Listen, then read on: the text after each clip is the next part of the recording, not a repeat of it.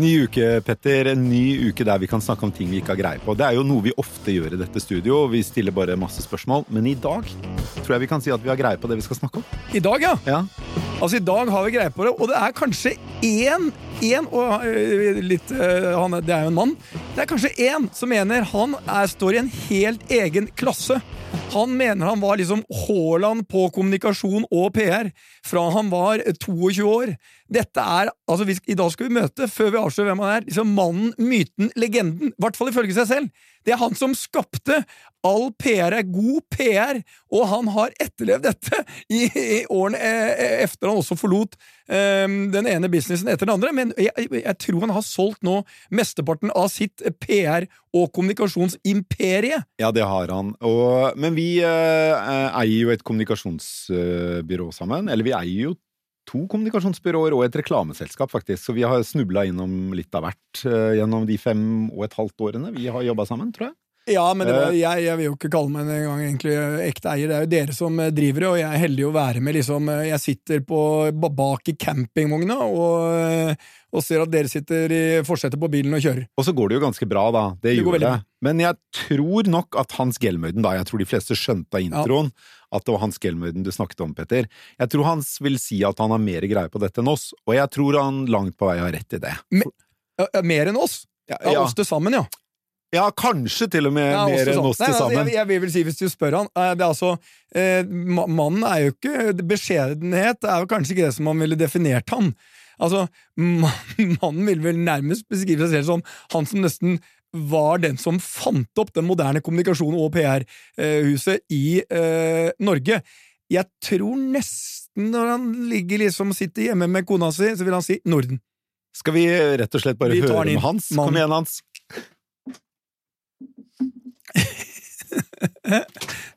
Du Hans, det er jo sånn at eh, Velkommen til oss. Eh, Det er jo sånn at Av og til så blir man snakket veldig varmt om, og man føler det som et eh, ordentlig lyskespark. Eh, Det var litt sånn Jeg fikk følelsen av at Petter sparka litt her nå. Gjorde du det?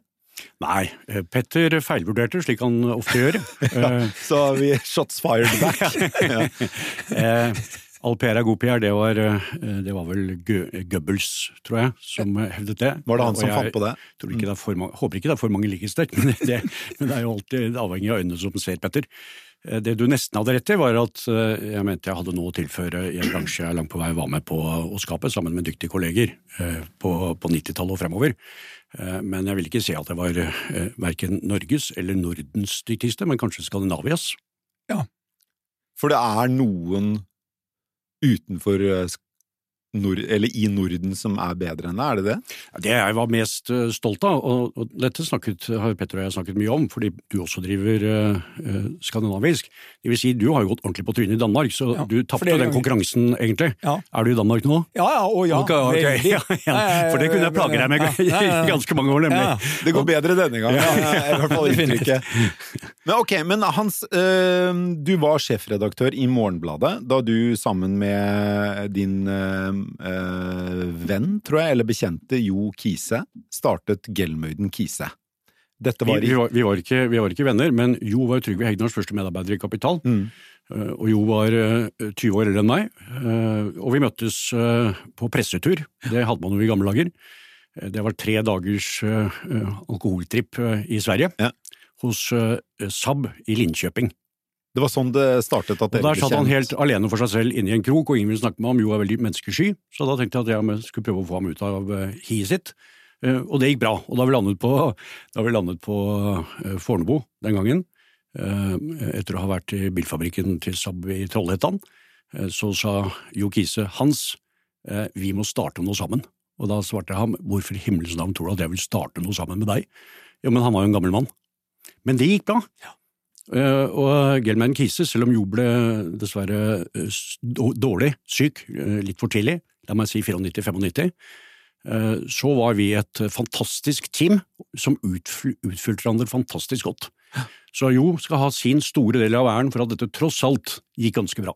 Og det startet på Trollhättans, eh, på Saab-fabrikken der. Det startet eh, på Stadshotellet til Linköping, Ja. eh, hvor eh, Jo satt alene med eh, gin tonicen sin nedi baren da jeg dukket opp.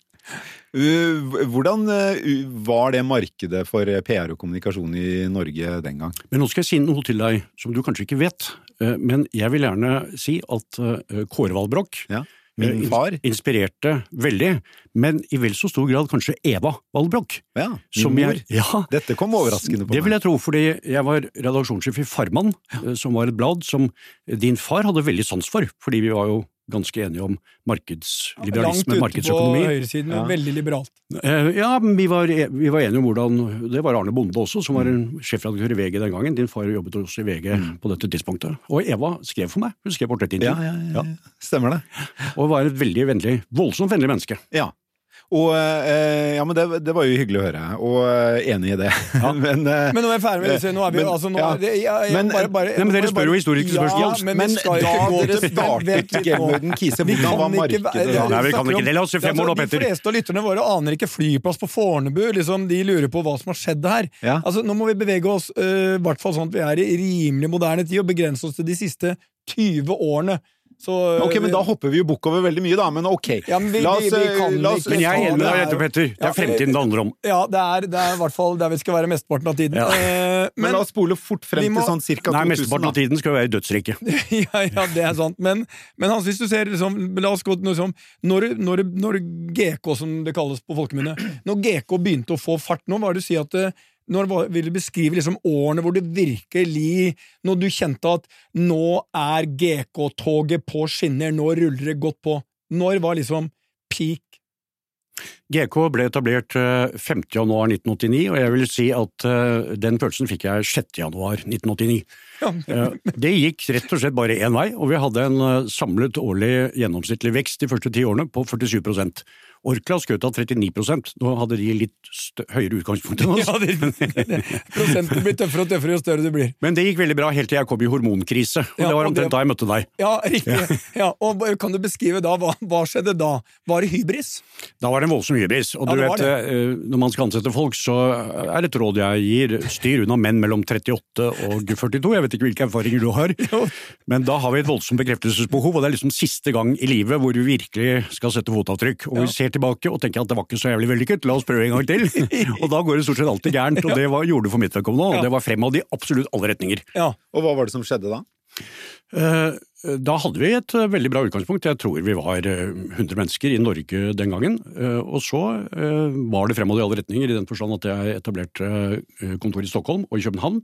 Kjempevanskelig. I Norge kunne jeg ta to telefoner og vite hvem som funket og hvem som ikke funket. Men uh, i Stockholm og København kunne jeg ikke det. Jeg hadde ikke tilsvarende kontaktnett, og det kontaktnettet jeg hadde, det, det kjørte meg rett på grunn, rett og slett. Så det var veldig dyrt. Ja. Uh, uh, og jeg hadde gjort en lur ting, da. Det var at jeg hadde fått, noen, fått med meg noen investorer i forkant. Det var Kristian Ringnes, Einar Nagel Eriksen, Moritz Skaugen og Jens Ultveit Moe. Eh, De fleste og, av de er ikke like rike i dag. og de er fattigere nå. Utenom No- Ringnes, noen av Ringnes un. Nei, Ringnes ja. ja, han inngikk jo et forlik med deg nylig. Ja. Eh, Men eh, det er blant de tingene jeg er lei meg for. De tapte penger på dette. Mm. Jeg klarte ikke å betale tilbake. Jeg prøvde intenst i ti år, men til slutt så måtte, jeg, måtte vi skille lag. Og det, og det er beklaget overfor dem mange, mange ganger. Rekonstruerte du? Eh, Den rekonstruksjonen skjedde faktisk på ak ak akterdekk eh, på en av disse turene der du tok med hoffet ditt rundt omkring i Middelhavet. Jeg vet ikke om du husker det? Og vi lå inne i havnen på Elba, og jeg satt og pratet med din advokat på det tidspunktet, Henrik Christensen, Ja. som forklarte meg hvordan jeg kunne gjøre dette for å, bli, for å, å få luft under vingen igjen. Og den planen fulgte vi, og Henrik gjorde en veldig god jobb for meg. Ja, og øh, dette er jo lenge siden, og jeg husker akterdekket. Eh, det var jo det var jo også en tur hvor det ble konsumert mye alkohol, eh, og vi var begge enige om at eh, fremtiden så ufattelig lys ut. Hvis man bare fikk eh, kommet gjennom rekonstruksjonen. Og Hans, det er en kjent sak. Vi har jobbet sammen i veldig mange år. Um, og øh, jeg har jo da enorm respekt for henne. Men hvis du som har vært med så lenge, kan beskrive litt sånn Det var hybrisperioden, og så gikk det til helvete, rekonstruerte. Men så kom du ut av det. Har det vært noe etter det? Du ser på at der gjorde jeg noen gale valg. Der gjorde jeg så Jeg burde ikke gjort det. Altså, man er jo også her for å lære liksom å se tilbake og reflektere over etter den perioden. Du kom ut av Elba eh, etter eh, uh, ufattelig mange lange lunsjer med mye vin. Du kom ut derfra, og så gikk det bra. Var det noen ting etter det du har angret på? Jeg er som deg på dette punktet. Jeg gleder meg til hver ny dag. Jeg er teknologioptimist. Jeg tenker at alt bare blir bedre. Eh, Og så er det klart at det hender man skal åpne Hotell Dragen i Göteborg, eh, og det er bare en rugle på overflaten. Det kan ikke spille noen rolle for en. Og hvis du spør meg om mine feil, altså kunne, det, det kunne bli en lang bok, altså. Ja.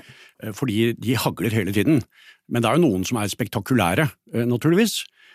Vi nevnte denne hormonkrisen og kapitalinnhentingen, og fremad i alle retninger. Eh, En, eh, en, kjem, en kjempetabbe. Eh, Så er jo den største feilen man gjør i det daglige i et byrå, det er å ansette feil folk.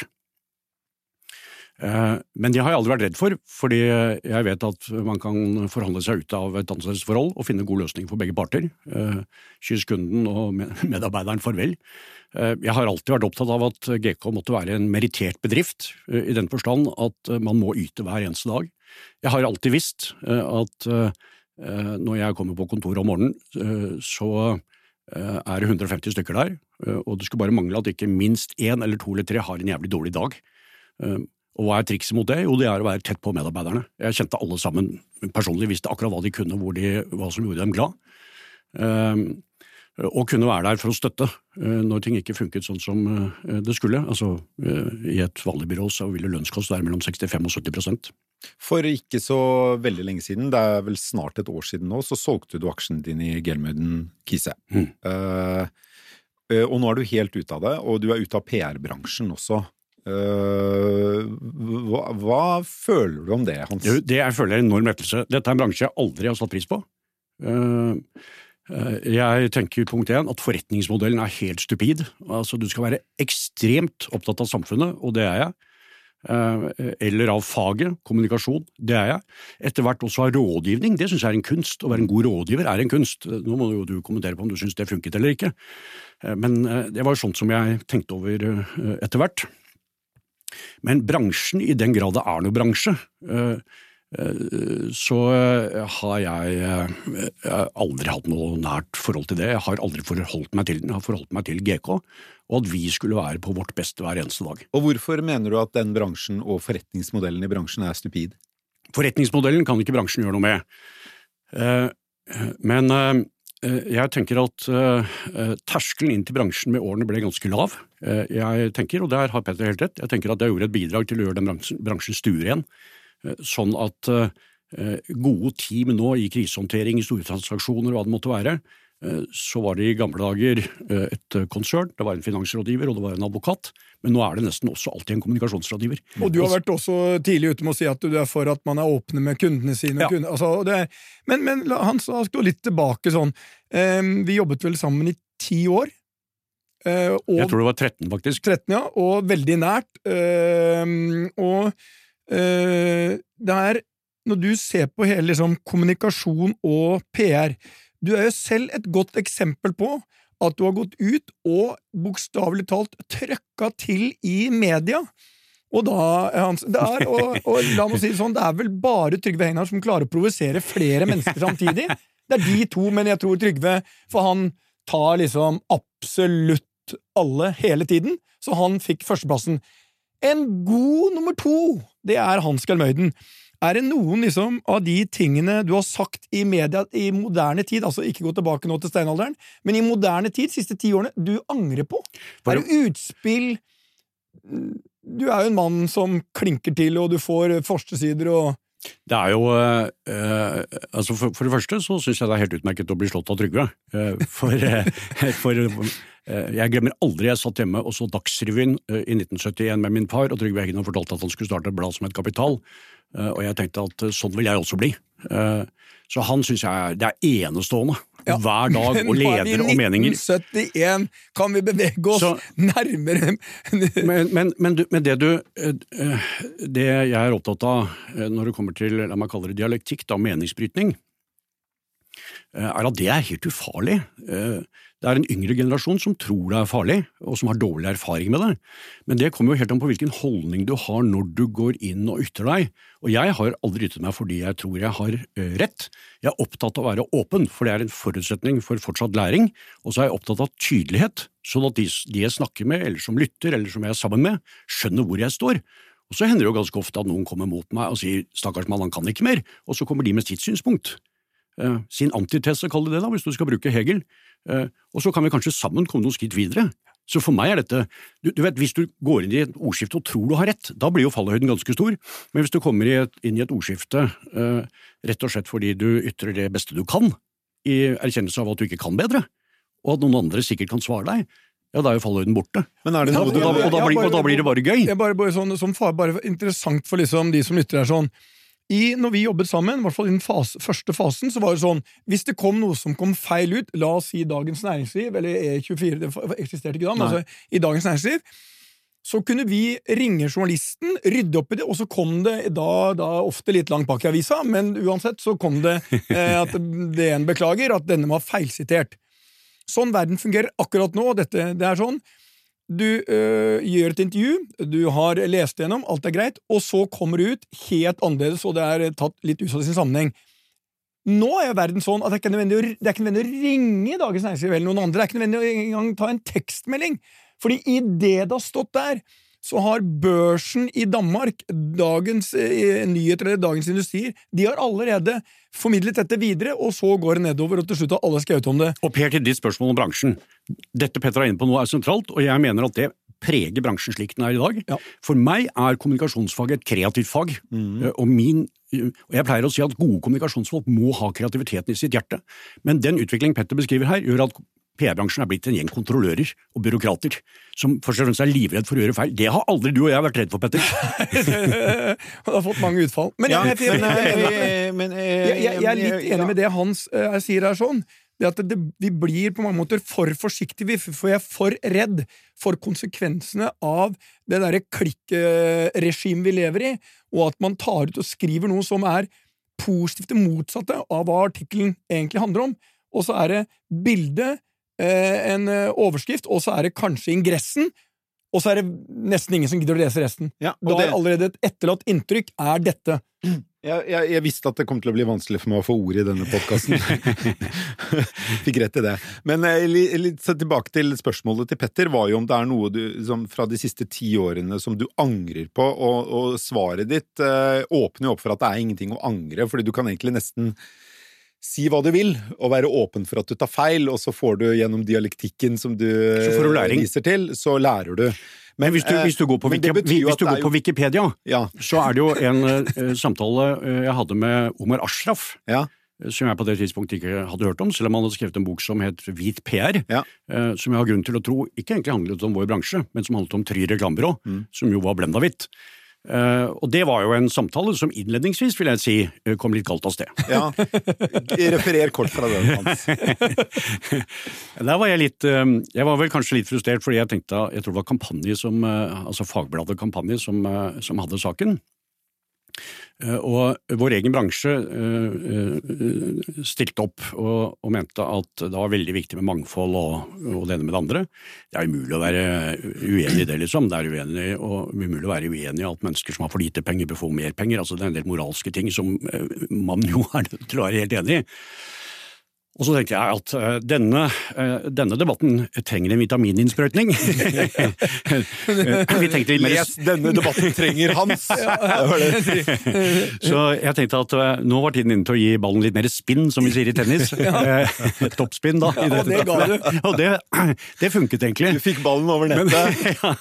Men jeg fikk den jo selv i planeten ganske fort også. Ja. og, det morsomme var, jeg, jeg, sa mange dumme ting, for, for så vidt, eller upresise ting.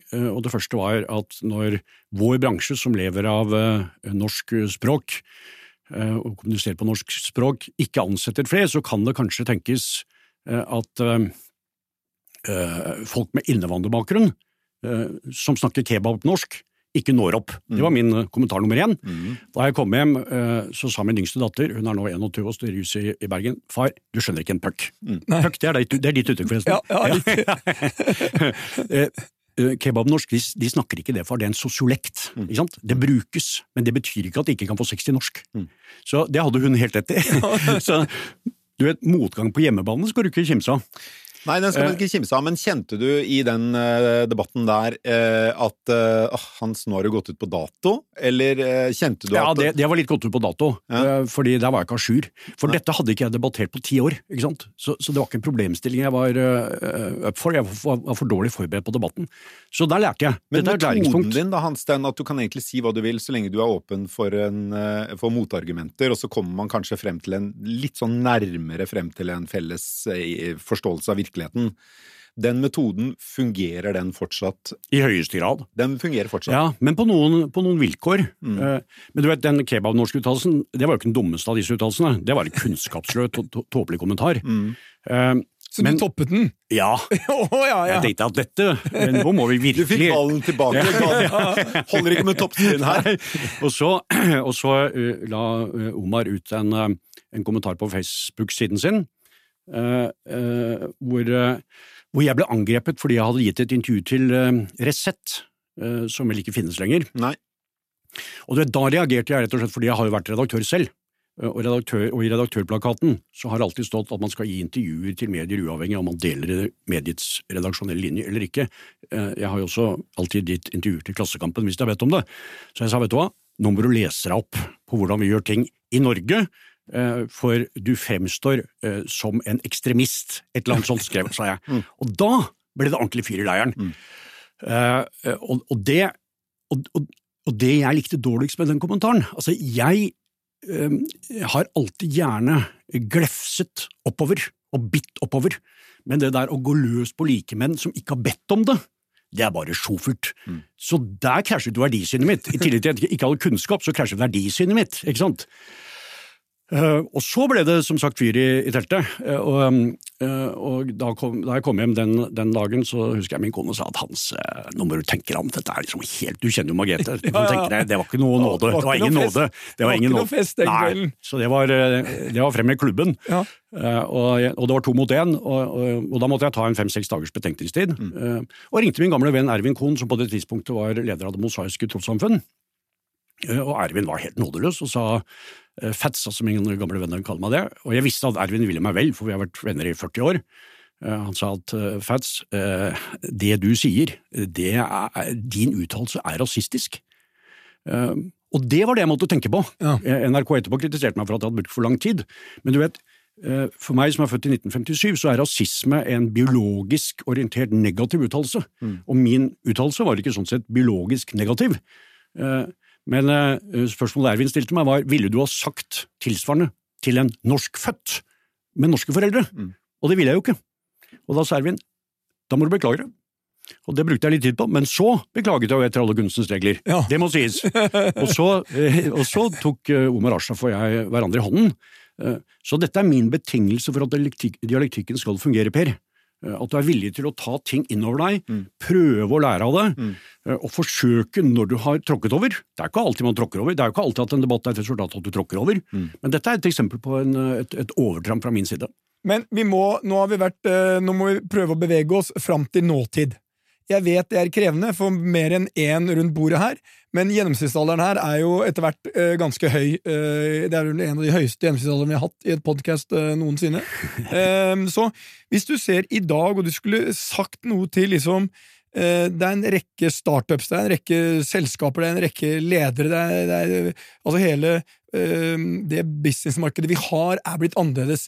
Altså Når folk spør hva du har lyst til å bli når du liksom blir, jeg vil bli kjendis, eller jeg skal bli influenser, eller jeg skal bli YouTuber eller TikToker, eller et eller annet. Det er en ny verden, med nye muligheter for å tjene penger.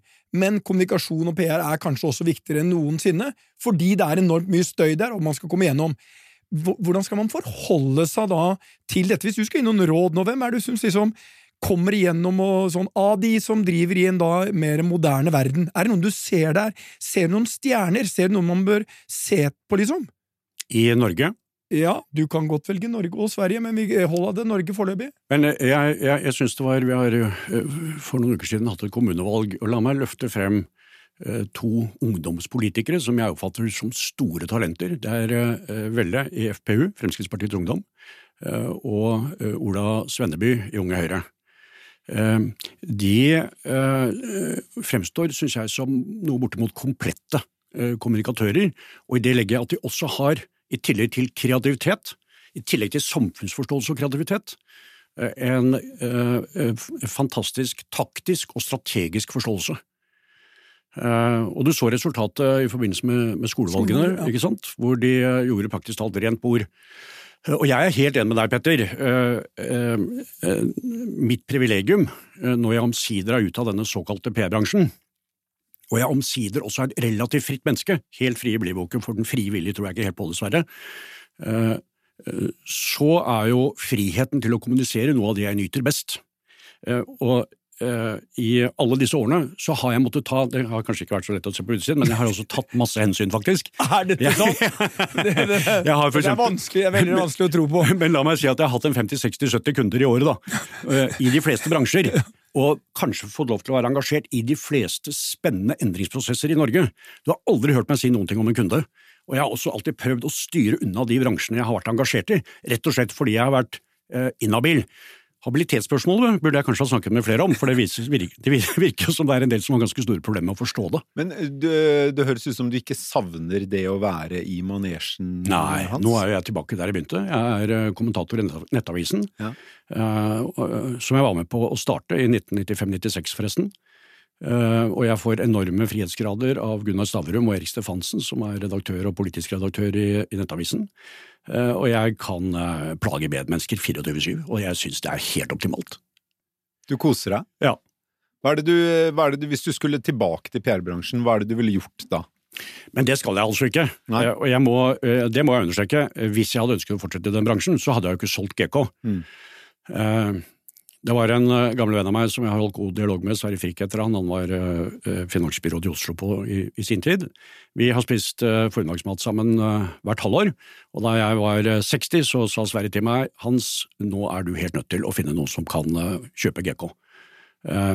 Min eldste datter jobbet riktignok i firma, eh, og for så vidt min kone, men, men Karen, min eldste datter, sa far, jeg elsker GK, jeg, hun elsker også å jobbe i bransjen, Eh, så hun er kanskje litt pervertert, Eh, men eh, hun ville ikke ta over. Jeg, vil ikke- leve mitt liv som deg, far. Jeg vet ikke, Dine tre barn vil jo åpenbart leve et liv som deg, Petter. Det er åpenbart så langt, i hvert fall. Ja, Det er veldig overraskende. Ja, det, det er jeg enig. Eller vi kanskje, de forsøker bare, kanskje å leve et annet liv. Ja. Det er nok med én i gulljakke. Men mine vil ikke det, og min eldste sønn øh, jobber med shipping i, i London, øh, så, øh, så det var ikke noe alternativ. Og i min type bransje, som er forskjellig fra din, så er det klart at det å tro at barn og etterslekt skulle ville ta over, det tror jeg er å tro feil. Så da startet jeg prosessen. Eh, og så fikk jeg et, et nytt vink, eh, som pekte meg i retning Lars-Erik Grøntun, eh, som på det tidspunktet var Global Head i Hill Nolten. Og så tok jeg kontakt med Lars-Erik, jeg tenker vi nå er i 2018-2019, eh, og, og spurte om dette var noe vi skulle snakke sammen om. Og etter halvannet år, jeg husker 17. mai 2020, så ringte Lars-Erik meg og sa vet du hva, dette går vi med, vi finner en løsning. Vi, jeg har stablet en gruppe på bena, og vi kjøper. Så, så det, var, det var det, og det var jeg som håndplukket Lars-Erik til dette, for jeg tenkte at eh, det var, det var du, du vet når du har jobbet med en ting i 33 år som jeg hadde gjort, så ligger jo i bakhodet at du ikke skal bli en ny Mugabe, ikke sant? Så, Altså, fordi, ja, vi er langt tilbake. Jeg vet ikke om du har- har du tatt dette inn over deg? Mosambik, var det det? Zimbabwe. Zimbabwe, ja. Rhodesia, ja.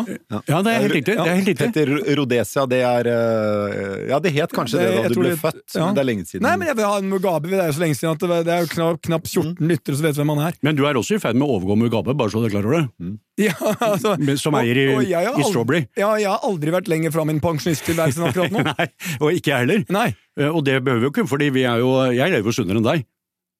Det var også en uttalelse som kunne bare komme fra Hans Gullmøyden. Ja, men jeg, jeg Eh, drikker med- med mindre enn en flaske gin i uken. jeg. Jeg drikker bare vin. Ok, sorry. Men uh, sum alkoholkonsum kan nok uh, uh, oppsummeres til én flaske. Men det, det, hvis du, bare for å begynne å avrunde her på en positiv måte Hans, jeg hadde stor glede av å ha lært enormt mye av deg gjennom en lang og viktig periode av livet mitt.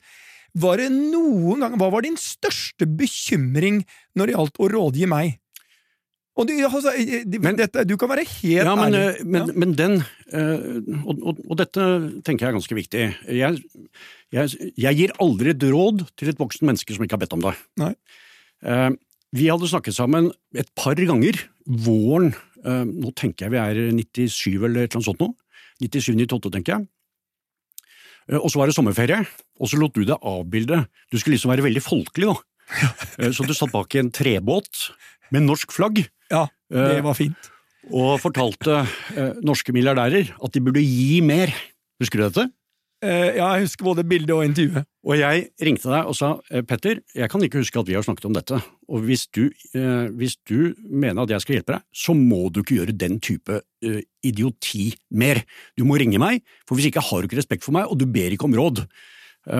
Eh, og så sa du at eh, det må du, måtte du få tenke på, så gikk det to minutter, og så ringte du tilbake og sa at det var dritt av dumt hans. Mitt argument var jo hvem er du til å sitte og fortelle andre rike mennesker hva de skal gjøre? Gjør det sjæl, da vel!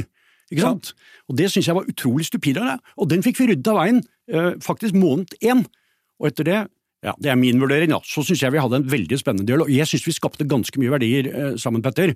Og jeg vet at du er aktøren, og at jeg bare er rådgiveren, men det samspillet gledet meg veldig, i hvert fall. Ja, eh, altså Den lista på ting jeg ikke skulle sagt, er veldig lang. Og jeg har sagt ting som også er- er langt dummere enn det. Men, men eh, det jeg, du, du minnet meg på nå, bildet var faktisk jævlig bra. Jeg tror faktisk at de bar overkropp. Det vil ikke overraske meg. Nei, Det er, jeg- jeg- det er mer sannsynlig at det var i bar Ja, overkropp jeg enn minst, og husk husker det norske flagget bak den der gamle tresnekka som jeg fortsatt har? Det funka bra, så en av de fineste dagene på den sommeren. Så du ser tilbake på dette som et godt medieutspill fordi du så godt ut i bar overkropp? Det er det på, den, på den tiden så, så mener jeg det var et av de bedre bildene, ja. Men du spurte meg tilbake, kan jeg ringe deg 24-7? Anytime. Og jeg Ja. tror vi snakket tre-fire-fem ganger med hverandre hver dag i, i, i 13 år. ja. Okay. Eh, eh, Petter, det, det, det du og Robert Mugabe har til felles, er at jeg tror dere begge har en hang til å gå med solbriller, enten dere er inne eller ute. Det, det er så, også der litt Mugabe. Men her må jeg få lov til å justere deg, Per. Det er ikke Mugabe her, det er Bono. Og hva er din favorittsang, Er det Petter? Bono, ja? Din favorittsang i gamle dager var i hvert fall U2.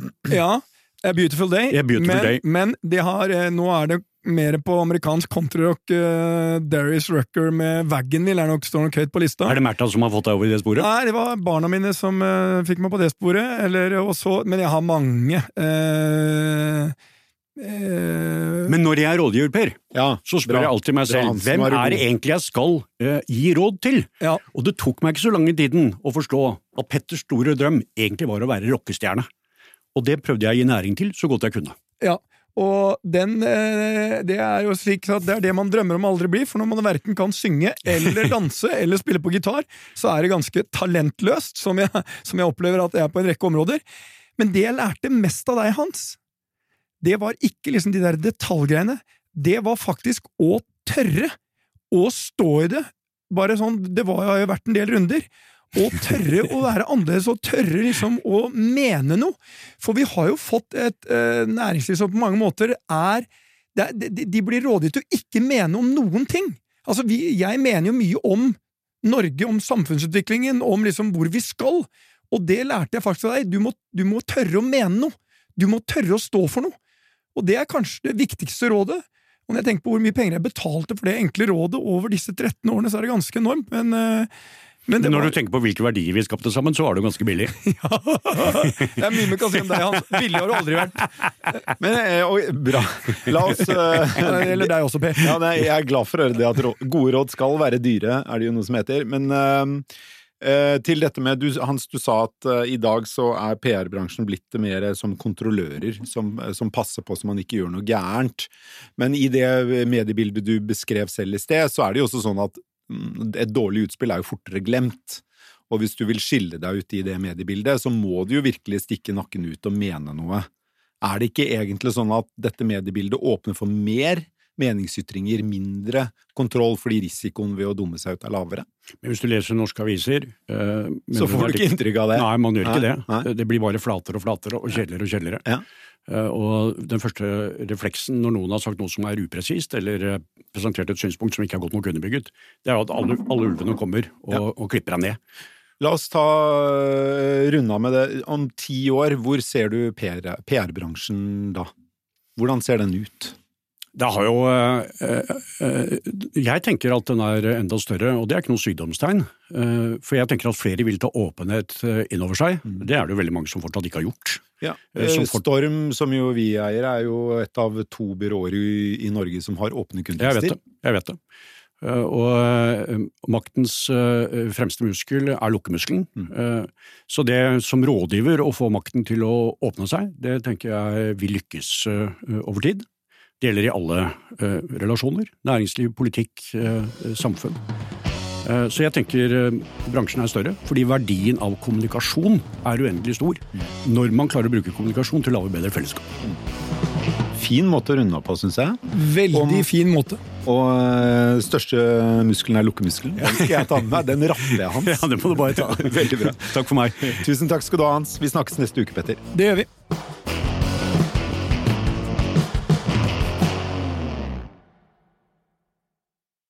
Velkommen til Kjemperådet! Ohoi! Vi har fått inn et kjempekleint problem fra Trine Lure 22. Ok. Jeg leser. De to andre i kollektivet mitt har begynt å date, og jeg syns det er veldig kleint når vi skal se på TV sammen, og de bare skal kline. Ok, ja, Hvordan skal hun løse dette? Siden Trine Lure er under 30, får hun jo ubegrenset data fra Telenor fra 399 kroner. Da Da kan hun sette seg på sitt eget rom, streame så mye hun vil på mobilen. Ja, hun kan jo se på nye mobilabonnement på telenor.no. Ja, Det er lurt.